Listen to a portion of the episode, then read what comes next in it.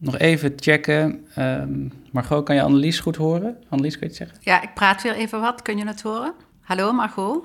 Ja, alle, ja het is helemaal zoals daarnet. Alleen heb ik nu even... Uh, ja, ik had een foutje gemaakt met de telefoon. Ik blijf nu overal af en dan denk ik dat het goed gaat.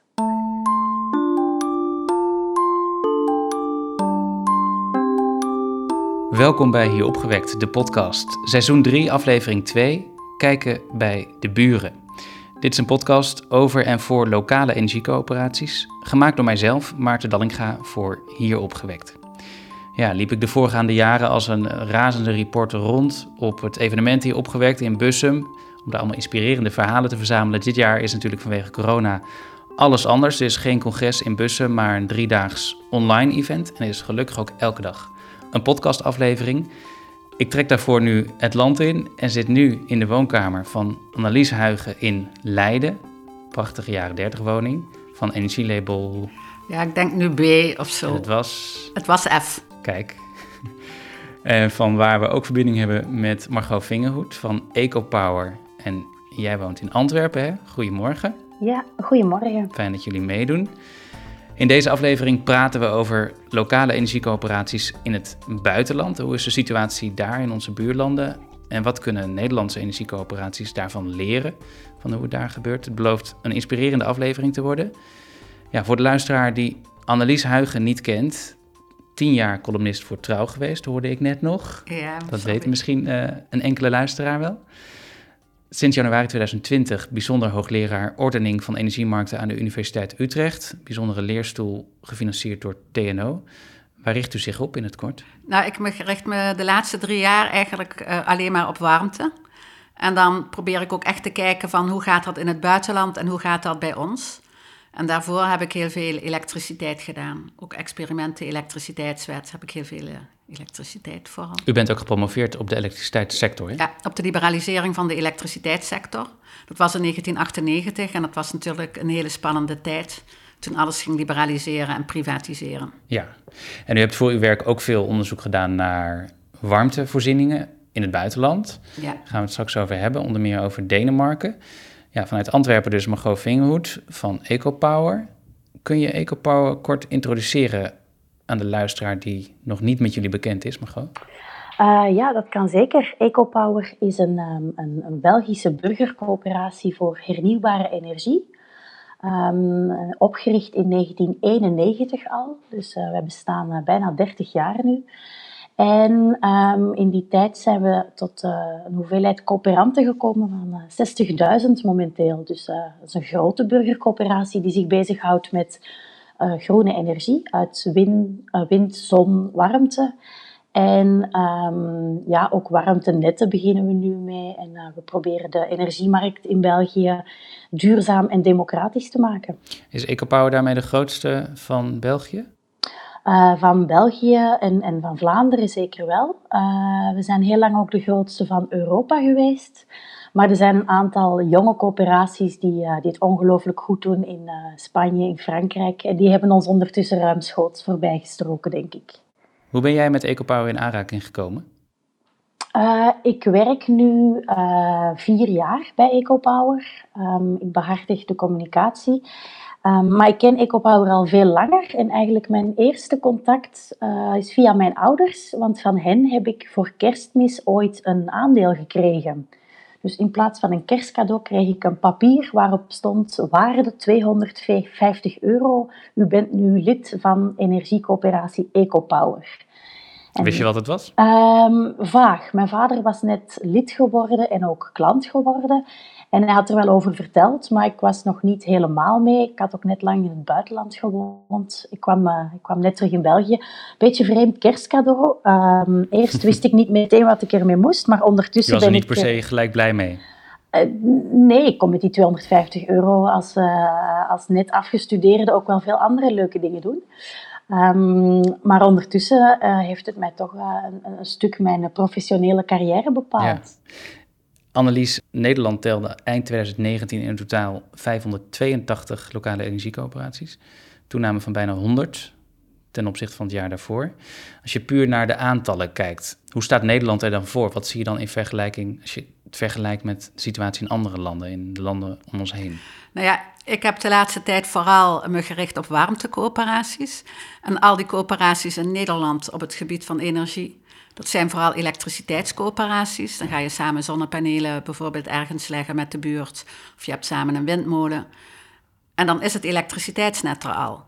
Maar als je kijkt naar warmtecoöperaties, dat is eigenlijk veel ingewikkelder, want dan moet er ook zo'n infrastructuur worden neergelegd. En volgens mij is er tot nu toe, als je kijkt naar echt uh, een in werking zijnde coöperatie, dan is uh, Thermobello in Culemborg het grote voorbeeld. Um, maar zij hebben het aan één kant, ja, het is altijd denk ik moeilijk, maar ze hebben het wat gemakkelijker gehad, want zij hebben een warmtenet wat al bestond overgenomen uh, van een energieleverancier. Ter Heide moet ik aan denken? Ter Heide, ja, die zijn bezig. Maar er zijn in Nederland ook veel initiatieven nou op het gebied om warmtecoöperaties voor elkaar te krijgen. En dat is een heel erg lastig traject, waarbij misschien wel de financiering het allerbelangrijkste knelpunt is. Waarom? Omdat je moet dan dus een warmtenet gaan financieren. En um, omdat wij het helemaal niet gewend zijn, zijn financiers best wel een beetje angstig daarvoor. Dus dat gaat moeilijk. Want als je dat dan vergelijkt met Denemarken, daar heb je, uh, laten we zeggen, 420 warmtebedrijven. En 340 daarvan zijn coöperaties. Dus 340 coöperaties zijn allemaal lokale coöperaties, vaak in een gemeente. Echt veel? Ja, echt heel veel. En uh, die krijgen van de gemeente een garantie. Dus die krijgen altijd, als ze geld lenen, kunnen ze gewoon geld lenen bij een bank. En dan uh, geeft de gemeente een garantie, zodat je ten eerste veel makkelijker kunt lenen. Bovendien zijn die rentepercentages heel erg laag. Dus dat gaat daar uh, heel erg gemakkelijk. En wat je ook ziet in Denemarken, omdat je zoveel coöperaties hebt, heb je een hele goede infrastructuur voor de coöperaties. Dus je kunt um, voor alles kun je advies inwinnen. Je hebt bedrijven die willen het voor je exploiteren, die maken je businessplan. En het is allemaal is het honderden keren al gedaan, dus dat is heel erg gemakkelijk. En in Nederland moeten die coöperaties alles stap voor stap helemaal zelf doen. Het businessplan maken, weet je, alles is heel erg moeilijk op dit moment. Ja. En hoe komt het dan dat Denemarken zoveel verder is? Nou, Denemarken die zijn in de jaren 70, toen hadden we die energiecrisis. Toen zijn wij natuurlijk op gas gegaan, of we waren al een beetje op gas, maar dat hebben we toen helemaal snel uitgerold. En Denemarken is toen meteen op warmte gegaan. Dus zij zijn al bezig vanaf 1973. Eh, ja, dus dan hebben ze een enorme voorsprong. En wat was de reden voor Denemarken om inderdaad hierop in te zetten en niet op gas? Nou, zij wilden helemaal verduurzamen. Ook met heel veel windenergie. Dus zij zagen mogelijkheden om dat uh, uh, zonder gas te doen. Kijk, wij zijn natuurlijk een gasland, want wij, wij maakten het zelf. Wij produceerden dat zelf. Mhm. Dus voor ons is gas natuurlijk heel erg uh, voor de hand liggend. En voordelig. En voordelig, En ja. dat uh, voordeel had Denemarken niet? Nee, die hadden ze niet. Nee. En, en als je dan kijkt naar de ontwikkeling van warmtenetten in Denemarken... wat kunnen wij er dan van leren? Want wij staan dus nog helemaal aan het begin in Nederland ja, we kunnen misschien ook een beetje afkijken van de Denen. Ja, we kunnen heel veel afkijken, maar één ding kunnen we best wel lastig afkijken en dat is hoe richt je een coöperatie op? Want dat hebben zij allemaal al 30 jaar geleden gedaan. Dus als we daar vragen over stellen, dan, dan zeggen ze ja, wij richten hier geen coöperaties meer op. Maar voor de rest kun je. Die zijn er gewoon. Ja, die zijn er al. Dus je hoeft ze niet meer op te richten en ze breiden uit. Maar er is ontzettend veel wat we kunnen uh, leren van Denemarken. Want um, wat je bijvoorbeeld ziet, dat is, uh, nou, de warmtebedrijven die mogen geen winst maken. En wat heel erg belangrijk is van warmte in het algemeen daar, dat is dat het heel erg transparant is. Dus al die kosten, die moet je op bepaalde manieren uh, noteren. En je kunt die kosten van iedereen met elkaar vergelijken. Transparanter dan in Nederland? Veel transparanter. Dus we hadden een keer een lezing van een, uh, van een warmtecoöperatie daar. En die zeiden, ja, mijn leden die kunnen zelf zien voor hoeveel euro wij hier koffie drinken op kantoor. Gaat dat niet een beetje ver? Of, of vind, je, vind, je, dat juist wel mooi? Ik vind dat heel mooi. Je kunt toch een boekhouding kun je transparant maken. Waarom is dat heel moeilijk? En wat ik ook zie, dat is dat uh, Nederland, als je kijkt naar warmte, dan is het hier echt heel erg duur. Veel duurder ook. Denemarken staat bekend als duur, maar wij zijn echt nog veel duurder dan in Denemarken. En zeker duurder dan bijvoorbeeld Zweden of Duitsland. En wij hebben geen idee waar die kosten in zitten. En als je niet weet waar die kosten in zitten, dan is het ook heel moeilijk om het efficiënter te gaan doen. En dat maakt het misschien ook minder aantrekkelijk om eraan deel te nemen. Als je Ja. niet weet waar Ja. die kosten door gemaakt worden. Ja, maar kijk, als je hier naar die coöperaties, eh, de coöperaties die hier bezig zijn in Nederland en die allemaal een coöperatie willen worden en die willen investeren in warmtenetten, die zijn natuurlijk wel transparant. Want als coöperatie hebben die ook heel vaak het doel van wij willen transparant zijn en wij willen dat iedereen kan zien hoeveel het kost. Maar wij hebben hier heel weinig. ehm, ja, ik probeer altijd voor elkaar te krijgen dat we hier in Nederland die kosten in Nederland echt goed gaan vergelijken met de kosten in Denemarken. Om te kijken, want als ik dan zie die coöperaties in Nederland, dan is het ook heel erg duur. Hè? Ook duurder dan in Denemarken omdat wij misschien heel erg weinig bedrijven hier hebben die het nog kunnen doen. Omdat wij weinig ervaring daarmee hebben. Omdat we het in Nederland allemaal heel veel efficiënter zouden moeten kunnen gaan doen, denk ik, eh, dan we nu doen. Ja. Zouden we niet wat Denen hier naartoe moeten halen? Ja, dat, dat zou volgens mij heel goed zijn om, eh, om te kunnen leren. Margot, eh, jullie in België, leren jullie van de situatie in Denemarken? Ehm, ja, als het nu over warmtenetten gaat, is Denemarken inderdaad ook voor ons wel een, eh, wel een voorbeeld. Er is, eh, er is een team van EcoPower op werkbezoek geweest in EcoPower eh, in Denemarken om eh, te gaan kijken hoe ze het daar aanpakken, specifiek voor coöperatieve warmtenetten. Ehm, iets dat voor eh, EcoPower ook redelijk nieuw is. We, we zijn al heel lang met elektriciteit bezig. Maar sinds eh, ja, echt de afgelopen twee jaar nog maar ehm, eh, zijn we ook aan twee warmtenetten begonnen. En daar komt Waarom- toch weer heel wat nieuw bij kijken. Goh, ehm, ja, warmte is, een, is, is, is vaak een beetje vergeten in de energietransitie in het algemeen, heb ik het gevoel. Ook vanuit de overheid, ook van in de maatschappij. Het gaat heel vaak over, over stroom. Ehm, warmte is daar een beetje verwaarloosd, maar de, eh, de inhaalbeweging moet, moet gigantisch zijn. Als je ziet dat eh, toch een 60% van ons energieverbruik van huishoudens naar verwarming gaat, is de uitdaging daar natuurlijk enorm. En EcoPower is gestart als elektriciteitscoöperatie. Ehm, maar de slogan of, of het idee is wel altijd geweest samen investeren in hernieuwbare energie. Dus het is, het is niet dat we het idee hadden van het begin om ons tot stroom te beperken.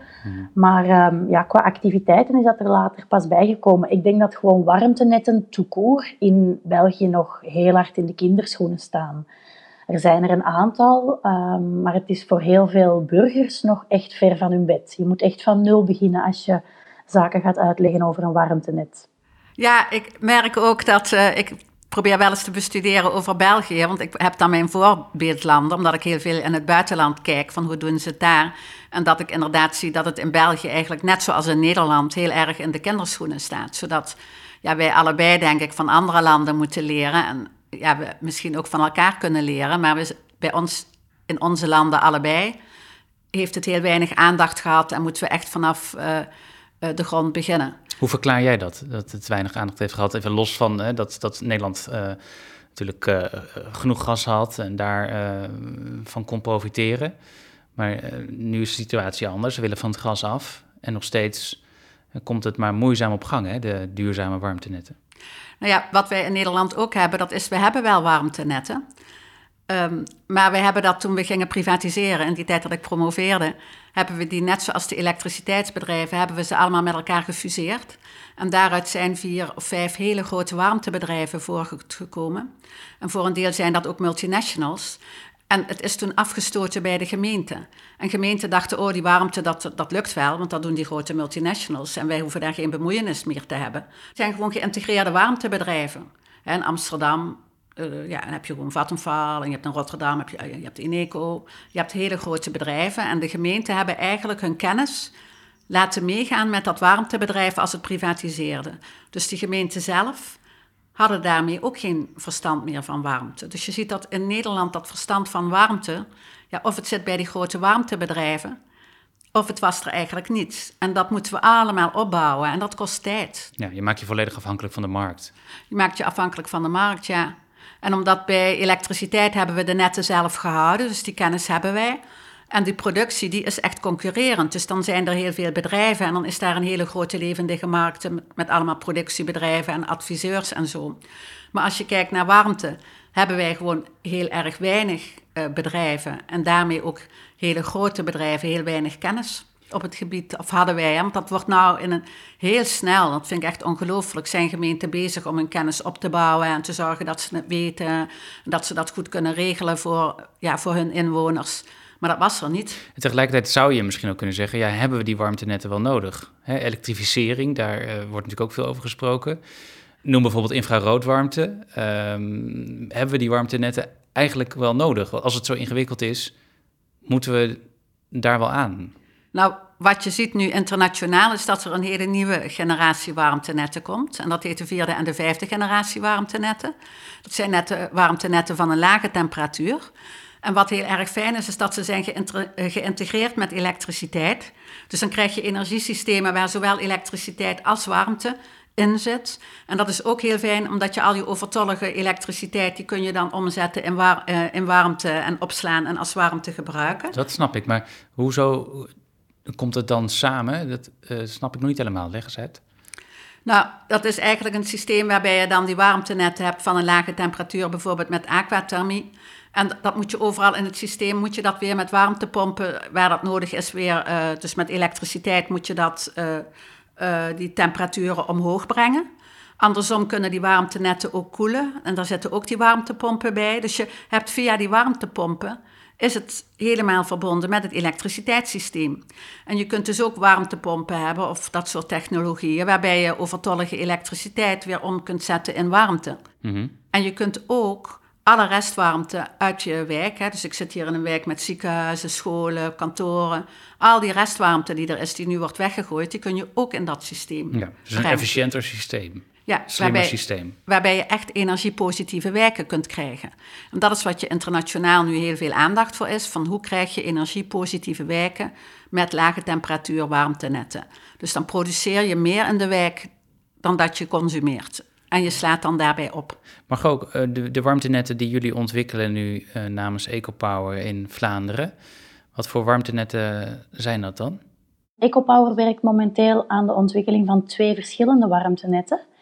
Eentje in Eeklo en eentje in Mortsel en Edegem. En die zijn eigenlijk heel anders. Um, in Eeklo willen we de warmte recupereren van de afvalenergiecentrale.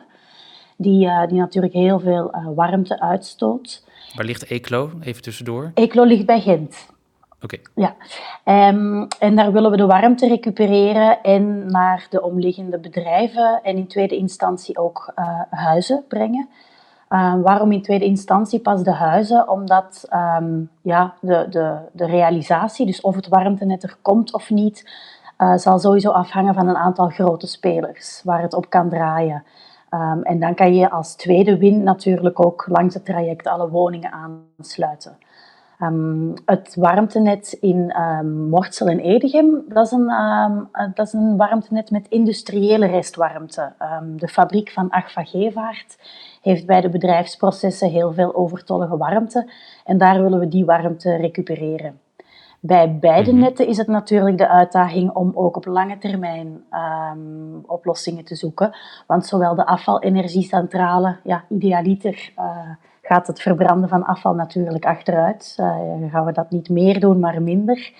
En um, ook uh, ja, industriële processen kunnen veranderen en verbeteren. Dus voor beide netten zijn er natuurlijk ook wel alternatieven om die te blijven voeden met duurzame warmte. Ja. Misschien nog een ja, misschien nog een belangrijk verschil tussen beide warmtenetten ook. Um, één warmtenet gaat nu heel snel. Daar zijn we eigenlijk aan bezig. Dat heeft het uh, warmtenet van Eeklo ingehaald. En daarom was groot voordeel dat we een nieuwbouwwijk aansluiten. Dus dat is een, uh, een gemengde wijk waarin 300 woningen en bedrijven komen. En daar zitten we aan tafel met de projectontwikkelaar. In plaats van met elk gezin individueel uh, te onderhandelen, hebben we daar natuurlijk een contract afgesloten om meteen al die huizen aan te sluiten. En daar, daar gaat de efficiëntie natuurlijk omhoog in vergelijking met uh, individuele onderhandelingen. Daar word je wel blij van, kan ik me voorstellen. Ja, zeker. Het is een heel mooi verhaal. We zijn heel blij dat het daar zo snel gaat. Ja. Ja, en Annelies, ehm, als je gebruik maakt voor een warmtenet van restwarmte van bedrijven, neemt daarmee de prikkel niet af voor die bedrijven om te verduurzamen. Dus als gevolg daarvan produceer je minder restwarmte. Heb je dus minder warmte die je kan leveren aan het warmtenet. Ja, dus dat, dat zou inderdaad kunnen. Want je krijgt een wederzijdse afhankelijkheid. Je hebt vaak dat die warmtenetten maar één of twee bronnen hebben. Dus die derde generatie warmtenetten, die vierde en vijfde generatie hebben heel veel bronnen. Maar die traditionele warmtenetten die hebben heel erg weinig bronnen. Dus als je dan een warmtenet hebt met weinig bronnen en uh, je bent met één of twee bronnen, dan hebben die heel erg inderdaad een, een, een stimulans hmm. om door te blijven produceren. Heel paradoxaal. Ja, dat is een paradoxaal. duurzaam project, zo lijkt het. Maar vervolgens kan het verdere verduurzaming juist in de weg gaan staan. Ja, want dat zie je nou ook in eh, Breda, waar het warmtenet door een kolencentrale werd uh, gevoed. En als dan die kolencentrale, dan is het heel moeilijk om die kolencentrale te sluiten. Dus wat dat betreft is het echt veel beter om naar vierde en vijfde generatie warmtenetten te gaan, want dan heb je echt heel erg veel meer bronnen. Margot, um, laten we het nog wat meer hebben over het succes van EcoPower. Zo'n 60.000 leden dus inmiddels. Waarin schuilt het succes volgens jou, als je het zou, zou moeten samenvatten? Um, er zijn wel een aantal factoren die hebben meegespeeld volgens mij. Um, aan de ene kant natuurlijk uh, het feit dat we al zo lang bestaan. En dat we heel lang, uh, monopolie is veel gezegd, maar er zijn heel lang geen alternatieven geweest in, uh, in Vlaanderen om te investeren bij een coöperatie. Dus we zijn lang zowat de enige geweest, ondertussen niet meer. Al moet ik wel even uh, duidelijk maken dat de cijfers in België heel anders liggen dan wat ik net hoorde over Nederland en Denemarken. Ik denk dat we nu in Vlaanderen 16 energiecoöperaties hebben en er komen erbij. Maar het is een heel ander model. Ja, het is heel interessant eigenlijk om de verschillende modellen te vergelijken. Um, Waarom verschilt het zo sterk? Uh, we hebben een, um, dat het is minder een buurt, um, buurtgegeven. Uh, EcoPower werkt ook in heel Vlaanderen bijvoorbeeld. Ik weet niet of er in, Nederland nationale coöperaties zijn. Maar wij werken minder gericht op echt uh, een lokale activiteit. En ik heb het gevoel dat in Nederland vaak een coöperatie wordt opgericht voor een bepaald project. En als dat project is afgerond en dat loopt, dan blijft het daar ook bij. Dan gaan ze niet zoeken naar een nieuw project 100 kilometer daar vandaan. Um, en dat doen wij wel. Dus in plaats van nieuwe kleine coöperaties op te starten, uh, ja, proberen wij zoveel mogelijk projecten uh, uit te rollen. Dat heeft als groot voordeel dat we heel veel technische kennis hebben. We hebben een hoop ingenieurs in huis die windturbines kunnen, uh, kunnen zetten, die zonnepanelen kunnen leggen, die nu ook warmtenetten kunnen aanleggen. Dus dat is, dat is indrukwekkend. Um, dat is natuurlijk wel een het klein nadeel daar is de, de lokale verankering. Het, het, is moeilijk om, je, om de voeling te mm. blijven houden met al je coöperanten en wat er op, op lokaal buurt, straatniveau leeft. En, en dat doen ze in Nederland wel heel goed, denk ik. Net omdat je heel veel kleinere coöperaties hebt die ook heel nauw samenwerken, heb ik het gevoel, met de lokale overheden, met de gemeentebesturen. Um, hier zijn het echte burgers zelf meestal die, die coöperaties oprichten. En kan je me uitleggen waarom die betrokkenheid van burgers nou zo belangrijk is? Je zou ook kunnen denken, ja, uh, dat is allemaal niet zo heel erg uh, voornaam. Het gaat er vooral om dat mensen ja, lid worden en vervolgens dat ze betalen. Ja, als je het zo stelt, dat is uiteraard het, het, hoofdidee. Um, dat mensen duurzame energie belangrijk vinden, mee willen investeren en, en vervolgens ook ja, liefst bij de coöperatie blijven. Maar het is natuurlijk heel belangrijk dat je als coöperatie het verschil maakt. Niet enkel in duurzaamheid. Je hebt heel veel duurzame bedrijven ondertussen. Je hebt ook grote energiebedrijven die, die echt hard werken aan duurzame energie. Maar het, democratische aspect, het feit dat, dat we ook kennis willen verspreiden en mensen inzicht geven in hun, in hun warmteproductie, dat dat niet, of in hun energieproductie, dat dat geen ver van hun bedshow is. En, en dat ze zich echt betrokken voelen, um, wat zeker ook helpt bij, bij bewust omgaan met energie, minder energie verbruiken. En het is uiteindelijk toch in die, in die ledenbetrokkenheid en in, in het engagement van je coöperanten dat je het verschil maakt met, met commerciële bedrijven, denk ik. Mhm. Dus het is wel degelijk van, van groot belang. Het engagement van je leden geeft je ook de ademruimte. Um, als, als de elektriciteitsprijs eens een beetje stijgt bij EcoPower, gaan mensen niet meteen weg omdat het ergens anders goedkoper is. Omdat ze niet enkel om commerciële redenen bij ons zijn, maar ook vanuit, vanuit overtuiging. Dus, dus je ledenbetrokkenheid is wel ook, ook, ook je ademruimte en, en de, marge die je hebt om, om goed te werken, denk ik. Ja, dus die schaalgrootte uh, heeft ook alweer nadelen. Moeilijker om leden betrokken te houden. Wat doen jullie dan om, om uh, daar wel voor te zorgen, om dat wel te bereiken? Ehm, we proberen uiteindelijk heel veel uh, te informeren. We proberen mensen te betrekken. Um, ik denk dat je vanuit ons perspectief ook niet naïef moet zijn. Niet iedereen die aangesloten is bij EcoPower um, wil heel actief bij de energietransitie betrokken zijn. ben ik er net vergeten te vermelden, is eigenlijk heel belangrijk. EcoPower is ook uh, elektriciteitsleverancier. En ik denk dat heel veel mensen bij EcoPower komen omdat ze graag oprechte groene stroom willen verbruiken. En ze weten niet hoe het zit bij al die andere bedrijven. Iedereen roept groene stroom, maar is het wel groen? Uh, de oprechtheid en de transparantie en de democratie van EcoPower trekt mensen aan. Dus wat doen ze? Ze kopen één aandeel, want dat is een voorwaarde om klant te mogen worden. We leveren alleen aan onze eigen coöperanten. Uh, dus ze kopen een aandeel, ze worden klant en daar blijft het bij voor heel veel mensen. Dus zij willen ook niet noodzakelijk naar de algemene vergadering komen of, of mee nadenken en brainstormen over de toekomst. Um, dus een heel groot deel van de mensen is blij met hoe het loopt. Een, deel van onze coöperanten wil zeker wel meer betekenen. En daarvoor proberen we de structuren te maken om echt in dialoog te gaan en, en echt te overleggen. En in deze tijden zetten we veel in op digitalisering en dat werkt wel, merken we. Dus we organiseren bijvoorbeeld online energiecafés. Het, uh, dit najaar is er weer een, uh, weer een hele reeks. Waarbij voor de eerste sessie, um, waar we echt in dialoog wilden gaan, hebben we nu meer dan 420 inschrijvingen. Dus hoe we die dialoog exact gaan uh, organiseren, moeten we nog even kijken. Maar dat is wel een heel mooi succes natuurlijk. En dat is dankzij digitalisering. We bereiken veel minder mensen live. Dat is ook nog een grotere inspanning. Uh, al zijn live ontmoetingen ook wel onvervangbaar natuurlijk. Het is heel fijn om samen met coöperanten aan tafel te zitten. Ja, het was ook leuk geweest als jij hier nu aan tafel had gezeten. Absoluut, ik had er heel graag bij geweest. Annelies, uh, hoe luister je hier naar? De situatie in België is dus heel anders dan in Nederland en dan in Denemarken. Uh, in beide landen zijn veel meer kleine energiecoöperaties. Wat zijn volgens jou de grote voor- en nadelen van de situatie in België met zo'n grote partij als EcoPower? Um, ik denk voor elektriciteit vind ik dat heel goed werken. En ik denk dat warmte heeft toch iets heel erg lokaals. Omdat uh, je bij warmte, in, um, je kijkt bij elektriciteit en dan zie je echt een internationale markt. En dan kun je daar kun je met z'n allen productiecapaciteit maken, groene uh, productiecapaciteit. Je kunt het overal inkopen, dus je hebt echt heel veel bewegingsruimte. Als je kijkt naar warmte, dan moet je echt lokaal netwerken gaan aanleggen. En zeker met vierde en vijfde generatie moet je echt lokaal concties vormen. Want dat moet je toch samen doen met, met het ziekenhuis en het kantoor en alle mensen die daar zitten. Dus dat heeft heel erg een lokale component. Waarbij ik denk dat echt de voordelen van heel groot zijn. Dat die voordelen daarvan veel kleiner zijn dan bij elektriciteit. Ik denk dat je bij elektriciteit met heel veel kunt zijn en dan ook echt voordelen kunt prikken. Want we kunnen dan met veel zonnepanelen en dat is goedkoper. En, en, en hoe je dat met de windmolens doet.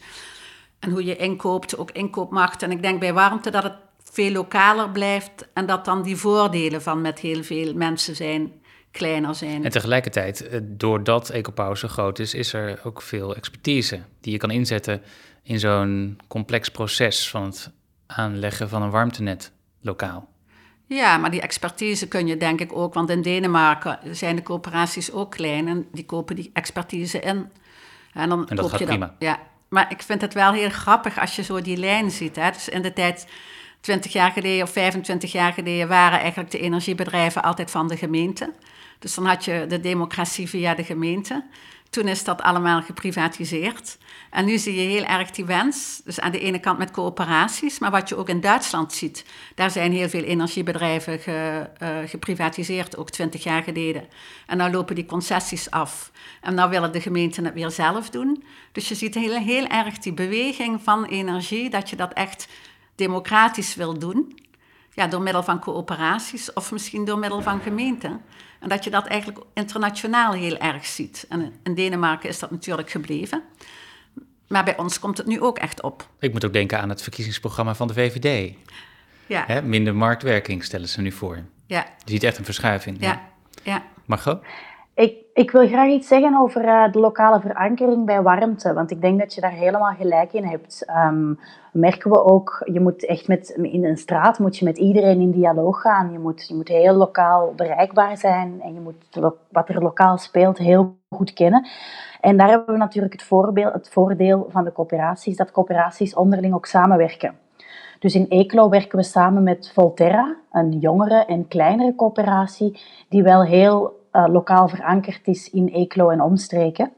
En bij uh, Warmte Verzilverd in Mortsel en Edegem werken we samen met Zuidrand W, een uh, warmtecoöperatie, de enige die ik ken in België. Er, er, zijn geen andere coöperaties die enkel voor warmte werken. En die zijn opgericht om dit warmtenet aan te, um, aan te leggen en mee uit te werken. En zij staan echt in voor de lokale contacten en de lokale verankering. Dus het is ook wel door samenwerking dat we eigenlijk proberen om zowel de, de schaalgrootte en de expertise en de financiële uh, onafhankelijkheid die we hebben, te combineren met de expertise van die misschien kleinere, maar daarom niet minder belangrijke coöperaties, die de lokale contacten en het lokale veld heel goed kennen. Ja, en daar kan ik aan toevoegen dat dat in Nederland eigenlijk ook geldt. Dat al die coöperaties, dat dat eigenlijk heel goed wordt ingebed door bijvoorbeeld Energie Samen, door, energie op, uh, door hier opgewekt, door die organisaties die er zijn. Uh, die samenwerking eigenlijk heel erg goed loopt. Om kennis te verspreiden, elkaar te helpen. Elkaar te helpen, kennis verspreiden, zorgen dat je van elkaar leert, samen projecten doen. Dat vind ik echt heel erg leuk en goed om te zien. Ja, en wel ook belangrijk, in beide gevallen hebben we ook een ontwikkelaar aan boord. Um, EcoPower doet dat bijvoorbeeld niet om voor, voor windturbines of zonnepanelen.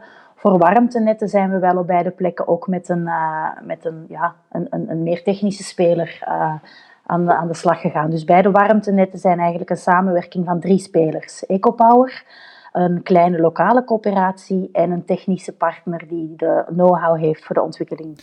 Als we, ja, het is natuurlijk uh, moeilijk, hè, maar als we in de glazen bol kijken, hoe zal de situatie in Nederland bijvoorbeeld over 20, 30 jaar dan uitzien? Meer zoals in België of meer zoals in Denemarken, Annelies? Nou ja, ik denk dat België en Nederland allebei uh, stappen zetten om echt te veranderen. Dus die situatie nu, denk ik, zowel voor België als voor Nederland, die zal over 30 jaar heel anders zijn.